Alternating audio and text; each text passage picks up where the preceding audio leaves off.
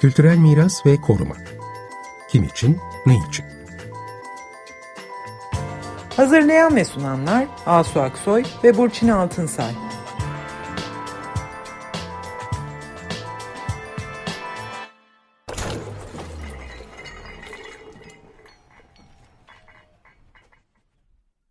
Merhabalar, ben Burçin Altınsay. Merhabalar, iyi akşamlar. Ben Asu Aksoy. E, bu akşam e, Milli Saraylar İdaresi Başkanlığı hakkında yayınlanan bir kararnameden yola çıkarak Milli Saraylar İdaresi kurumsal tarihini biraz konuşacağız. 29 Mart tarihinde geçtiğimiz 29 Mart'ta Milli Saraylar İdaresi ile ilgili dediğim gibi bir kararname yayınlandı. Bu kararnamede Milli Saraylar İdaresi Başkanlığı'nın Cumhurbaşkanı'nın onayıyla yeni müze kurabileceği veya kamu kurum veya kuruluşlarının e, müzelerinin yönetimini devralabileceği söyleniyor. E, bu konu medyada da yer aldı. İşte yerel yönetimler belediyelerin müzelerini de devralabilecek şek şeklinde. Aslında Milli Sarayların kuruluşu, bu idarenin kuruluşu ta 1924'e gidiyor.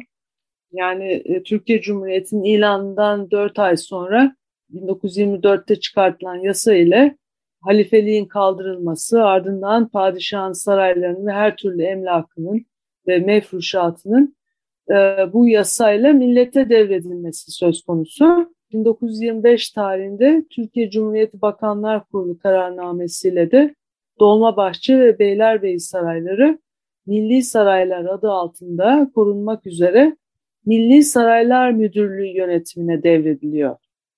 Aynı yıl Yıldız Şale, Aynalı Kavak, Küçük Su Kasrı, ardından Yolova Atatürk Köşkleri, ardından Ihlamur Kasrı. Yıllar içinde bunlar bu Milli Saraylar Müdürlüğü'ne devrediliyor. 80'li yıllarda Maslak Kasırları e, da öyle. Ardından hatta Florya Atatürk Deniz Köşkü, Filizli Köşk, 94 yılında Yıldız Porselen ve Hereke İpekli Dokuma Halı Fabrikaları bağlanıyor. Bu Milli Saraylar Müdürlüğü 2018 tarihinde yine bir Cumhurbaşkanlığı kararnamesiyle Cumhurbaşkanlığına bağlanıyor ve Milli Saraylar İdaresi Başkanlığı olarak e, adı da değiştiriliyor. 2019 yılında da en son Topkapı Sarayı bağlanıyor. Milli Saraylar 2018 e, yılında Cumhurbaşkanlığına devredilene kadar Türkiye Büyük Millet Meclisi'ne bağlı bir daire başkanlığı olarak çalışıyordu. Ve 1980'lerin ortalarında e, bugünkü kurumsal haline geliş yolunda önemli bir dönem var. O güne kadar e, meclise bağlı müzeler olarak işletilirken 1980'lerin ortalarına doğru Burada büyük bir atılım yapıldı. Ee, bu kurumsal tarihin pek de bilinmediğini e, düşünüyoruz biz. Bu atılımın böyle büyük bir yenilenme harekatının e, başında da e, Profesör Doktor Metin Sözen vardı. Metin Sözen Millet Meclisi Başkanlığı Kültür ve Sanat Danışmanı Bilim ve Değerlendirme Kurulu Başkanıydı ve bu pozisyonuyla da Milli Sarayların bu yeniden canlandırılması, büyük bir e, yenilenme, halka açılma, genişleme ve toplu bir e, birlikte koruma e, sürecine girildi ve bütün bu dönemi e, başında Metin e, hocamız vardı ve onun büyük çabalarıyla 25 yıl boyunca hatta bu konuda çalıştı ve bu e, süreçte de devletin evi saray, saray müze, müze içinde müze gibi depo müze, fabrika müze gibi kavramlar da bu bütünün içine e, katılarak genişletildi ve milli saraylar bugün bildiğimiz kurumsal halini aldı. İşte biz de bu atılım dönemini tanıtmak ve biraz hatırlamak istedik. Bu konuda da tabii birinci kaynak olarak Metin Sözen'le konuştuk. Kendisi bu konuda çok fazla konuşmak istemiyor ama bizim için kabul etti ve geldi bu söyleşiyi iki hafta boyunca sizlere yayınlayacağız. Profesör Doktor Metin Sözen'i herkes tanıyor aslında. Esasen İstanbul Teknik Üniversitesi Mimarlık Tarihi Kürsüsü hocalarından kendisi. Burada bütün yaptıklarını saymak çok zor. Ee, kısaca Metin Hoca bütün ömrünü kültür varlıklarının korunması, yaşatılması, tanıtılması için e, bu konuda insanları bir araya getirmek için adamış birisidir diyebiliriz. Hep önce olmuştur. Tarihi Kentler Birliği'nin kuruluşunda da öncülük etmiştir. Ve daha sonra da Çekül Vakfı'nın kuruluşunda da en baştaydı. Çekül Vakfı'nı kurdu ve devam etti. Şimdi söyleşimize geçeceğiz. Sevgili Metin Hocam hoş geldiniz. Bizim davetimize Teşekkür kabul ettiniz. Ne güzel bu nedenle seni gördük. Büyük evet. bir ayrıcalık yaptığınızı biliyorum. Sağ ee, olun. Biz milli sarayların e, biraz geçmişinden bahsetmek istiyoruz. O konuda da tabii e, birinci kaynak sizsiniz ve sizin ağzınızdan bunları duymak istedik. Çünkü milli sarayların ne olduğu, geçmişinde neler olduğu pek de bilinmiyor bugün.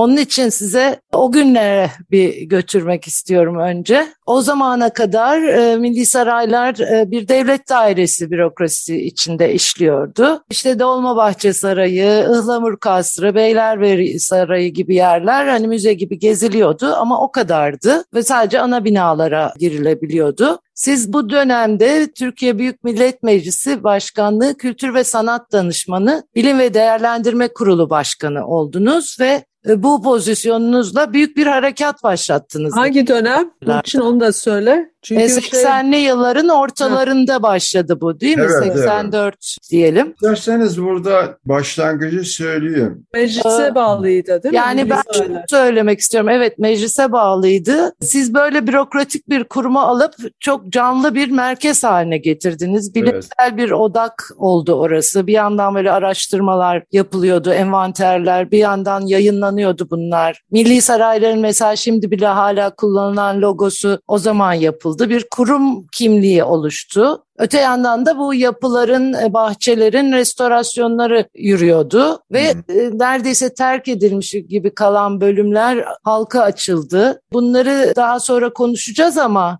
sizin tabii asıl sizin müthiş bir ikna gücünüz var onu biliyoruz. O zamanki meclis başkanını razı ederek başladınız galiba bu işe. Ve biliyorum ben de hatırlıyorum çatlak sesler de vardı ama siz her şeye rağmen politik görüşlere, parti ayrımlarına bakmadan kendi vizyonunuzu ısrarla o yolda yürüdünüz ve burada bir imkan gördünüz ve başladınız. O nasıl başladınız? Bu işe nasıl ikna ettiniz? Onları bize anlatarak başlayabilir miyiz? Meclisten aradılar beni. Teknik Üniversite Mimarlık Fakültesini aradılar.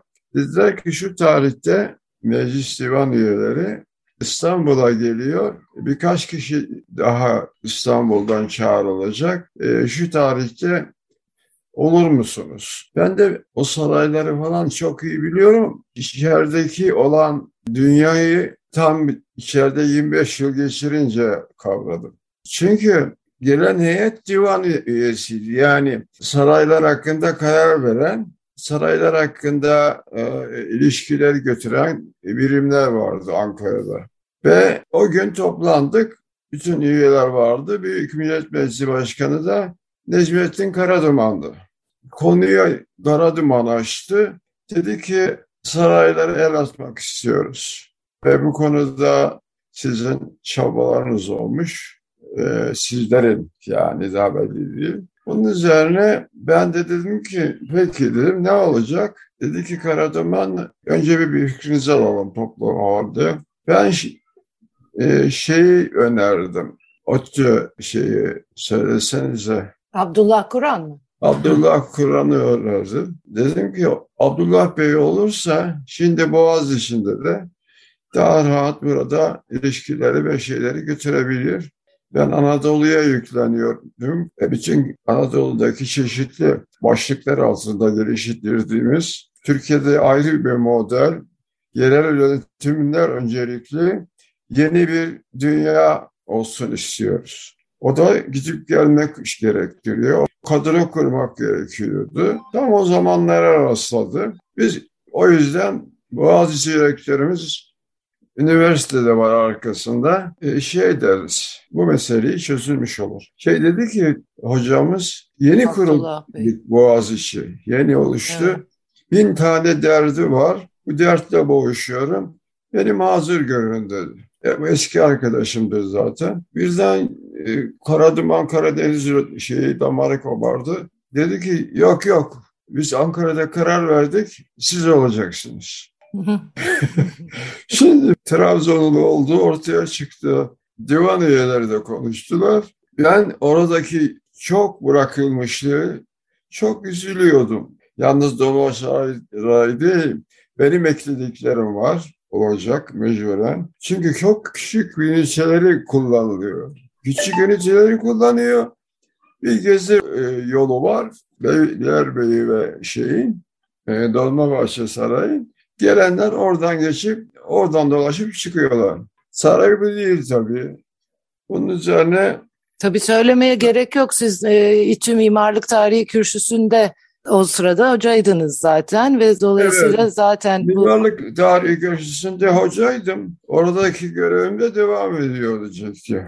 evet Kısacası bu süreçten sonra senin de yakından, sizlerin de yakından bildiği dinamik arkadaşlarımızı, eski öğrencilerimizi, bir sürü üniversitedeki söz verdiği şeyi yapan hocalarımızı ve çeşitli kesimlerden insanlarla tek tek konuşmaya başladım. Ve bir program çıkardık. Arkadaşlarımız mimarlık kökenli, şey kökenli olan bu arkadaşlarımız bütün büyük bir duvarı yani beşe ne duvarı panoya koyduk arkadaşlarımızın dizayn ettikleri. Orada yıl yıl ne yapılabilir? Hangi kesimlerle işbirliği yapılacak? Dış dünyaya nasıl bir bağlantı söz konusu olacak? Bunlar orada pek konuşulan şeyler değildi. Çünkü milletvekilleri geliyor ne? Biz oy verdik. Evet bu başlasın dedik ama nasıl bir şey? O pratik bir anlatım oldu. Aynı zamanda da ayrıntıya inmeyi sağladı. Birinci aşama bize Atatürk'ün Tarih ve Dil Kurumu masaları vardı U şeklinde. Atmışlar bir sarayın yerine. Ben hemen onu temizlettim, şey ettim, güzel toplanılır hale getirdim. Arkasından onu da senin söylediğin mefruşat dairesi dedikleri tefriş için kullanılan birim de tefriş için kullanılan birim de bize ayrılmıştı. Fakat girilecek gibi değil. Herkes şaşırıyordu. Bu dedim ki bak kapıdan giren tüm saray dolaşmak veya bir şey yapmak zorunda kalmasın. Derdini yazsın, bizimle paylaşsın. Biz de gereken problemlerimizi çözelim dışarıdan girecek uzmanlarla falan. O kapının... Bu masayı hatırlıyorum ben. Ha? Masayı hatırlıyorum. Bütün o salonu e, kaplayan... Bütün toplantılar masada olmaya başladı. Herkes oradaydı, evet. Evet, ben de açıkçası Atatürk'ün anısına şey yaptım. Ee, gerçekten de toplantılar oldu. Oldu ama altta, altta da e, bize bağlı, bizim korumaya birimimiz polis ve askerdi. Yemeklerini aşağı yiyorduk. Biz yukarıda çalışıyorduk veya dostlar gelirdi onlara anlatmaya çalıştığımız şeyler vardı. Koku yukarı çıkıyor. Aslında ta o zaman hocam siz şimdi artık hani bizim e, dilimize de yerleşen yönetim planını yapmışsınız. Bu kültür varlıkları bütününün bütün saraylar için bir yönetim planı oluşturmuşsunuz o duvardaki panoyla. Evet Mefruşat e, Dolmabahçe Sarayı'nı büyük giriş kapısının iki yanında iki daire vardır değil mi? Biri hazine evet, biri, dairesi. Biri hazine. Hazine. hazine zaten e, Hazinede daire başkanları falan. daire başkanlığı oturuyordu. Ama o mefruşat dairesi böyle cıvıl cıvıldı. Hayır, hayır, hiç- Ben çıkan. senin gördüğün zaman mıntıka temizliği yapmıştık. Biraz kendimize gelmiştik. O bakımdan ben hemen dedim ki aşağısını sergi alanı yapacağım. Her gelen önce o sergiyi ve hedefleri görür. Ondan Evet. sonraki e, şeyi, süreci yaşar. Gerçekten doğru çıktı. Askerlere güzel bir yer yaptık. Oraya onları aldık. Yemekhaneyi ileride bir birimimiz vardı. Oraya aldık. Bunların için uzun anlatıyorum. Çünkü her şey kolay, hemen yapılabilir zannedildiği için. Halbuki şu süreci yaşamak için 80 tane kafasının gerisinde iyi şeyler olmayan adamlar da var etrafımızda. Tabii. evet. Siz onlarla uğraşıyordunuz zaten asıl. Evet, Hani biz yani onları görmüyorduk da. Benim arkadaşlarım, benim e, öğrencilerim o kadar güzel şeyler çıkarmaya başladılar ki bu sefer gece e, gece bu bunlar burada kalıyor doğru mu diye ihbar yapmaya bile başladılar. Şimdi şuna esasına gelince o yer bize çok yararlı oldu. Yanımızda santraldı. Onu oradan çıkarmaya çalışıyordum. Böylelikle bir, bütün birimi bir yere geldi. Bu süreç içinde hazırlanacak plan dilde kalmamak, düşündüğümüzü hemen uygulamaya geçmek, ilgilisini hemen bulmak. Bunlar için hiç para almıyoruz kimseden. Evet. Hep parasız ürünler. Niye? Onun gönlü güzel şey. Yani bu sarayda ben de çalıştım dese yeter. Yani onarımında yaşadım dedi. O açıdan bu süreç içinde yalnız da şey değil, Veliler Bey Beşiği açık, Dolmabahçe. Ama diğerlerinin hepsi kapalı. Aynı bizim orası gibi. Sonuçta bir de saray ve çevresi şeyini getirdim. Yani Evet. çevresini, Hmm. bahçelerini, bütün ağaçları onarttık. Bütün ağaçları sağlıklı hale getirdik. Orada çalışkan bir çocuğumuz vardı. Böylelikle bizde orada yaşayanlar sabah gelip akşam gidiyorlardı. Şimdi onları nasıl dinamik hale getireceğiz? Çünkü birbirlerinden de hoşlanmıyorlardı. Meclisin sevilmeyen yanını oraya da yansıtmışlardı. Şimdi böyle olunca, böyle olunca dedim ki divan üyelerini topla, tekrar gel Karaduman. İşte geldiğimiz noktayı gör. Çünkü takıma bağlamış. Hakikaten divan üyeleri neyin kararını aldığını orada gördüler. Yani inandırmadan, herkesin içine çekmeden, kuşak farkını ba- bağlamadan olmaz, yürümez. Sonra bu öyle bir iştir ki, demin söylemeye çalıştığım para ile olmaz. Biz onlardan ne istiyorsak onları bize yapsınlar, göndersinler. O kadar. Bir de hangi yerleri ekleyeceğiz? Bütüne gitmek istiyorum.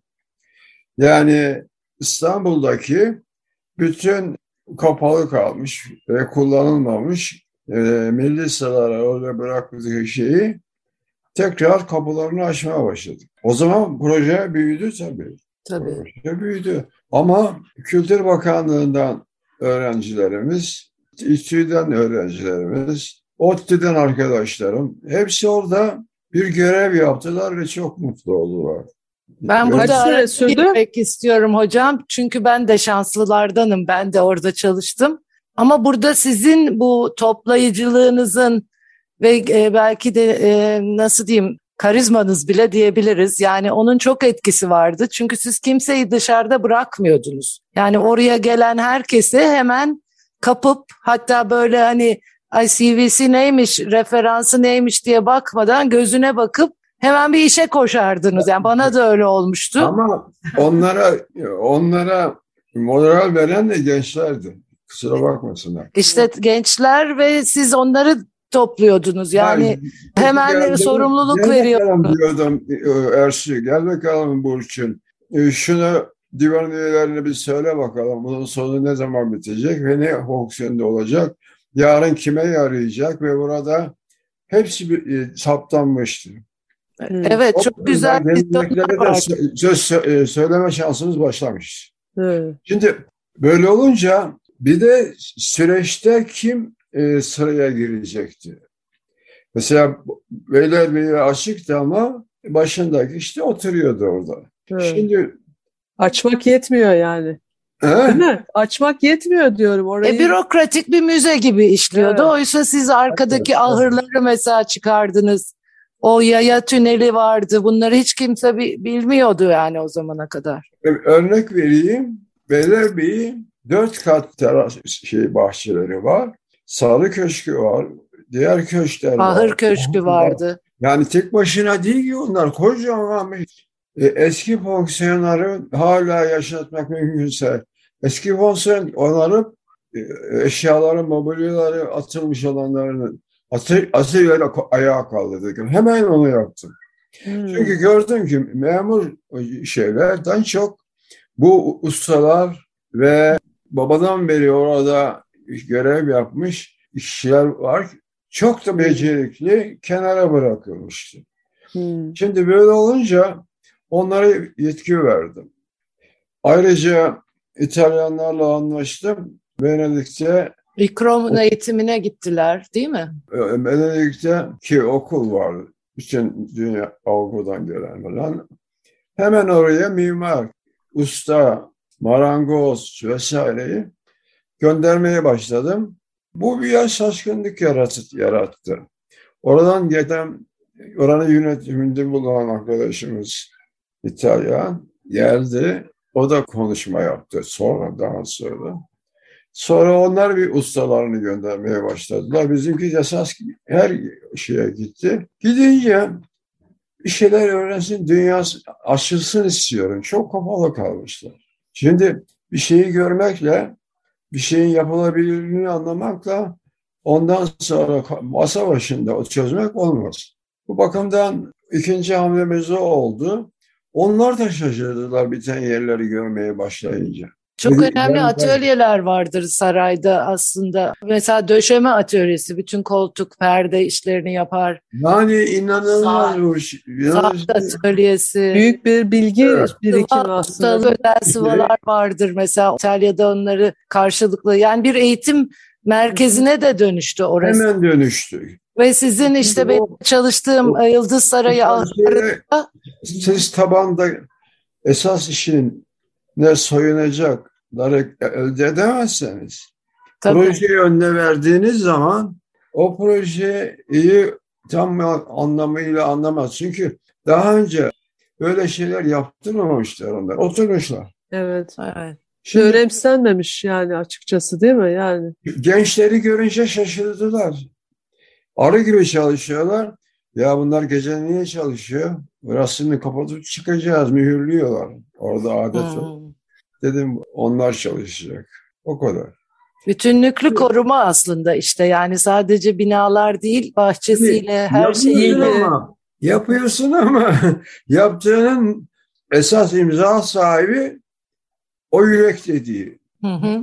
O yürek dediği aslında sizler işte sizleri görünce bir de sonuçları görünce sonra ben Topkapı Sarayı'na gittim.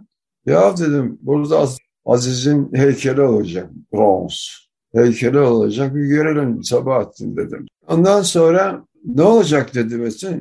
Anladı o ben eski tanıdığı Bu bizim olacak dedim.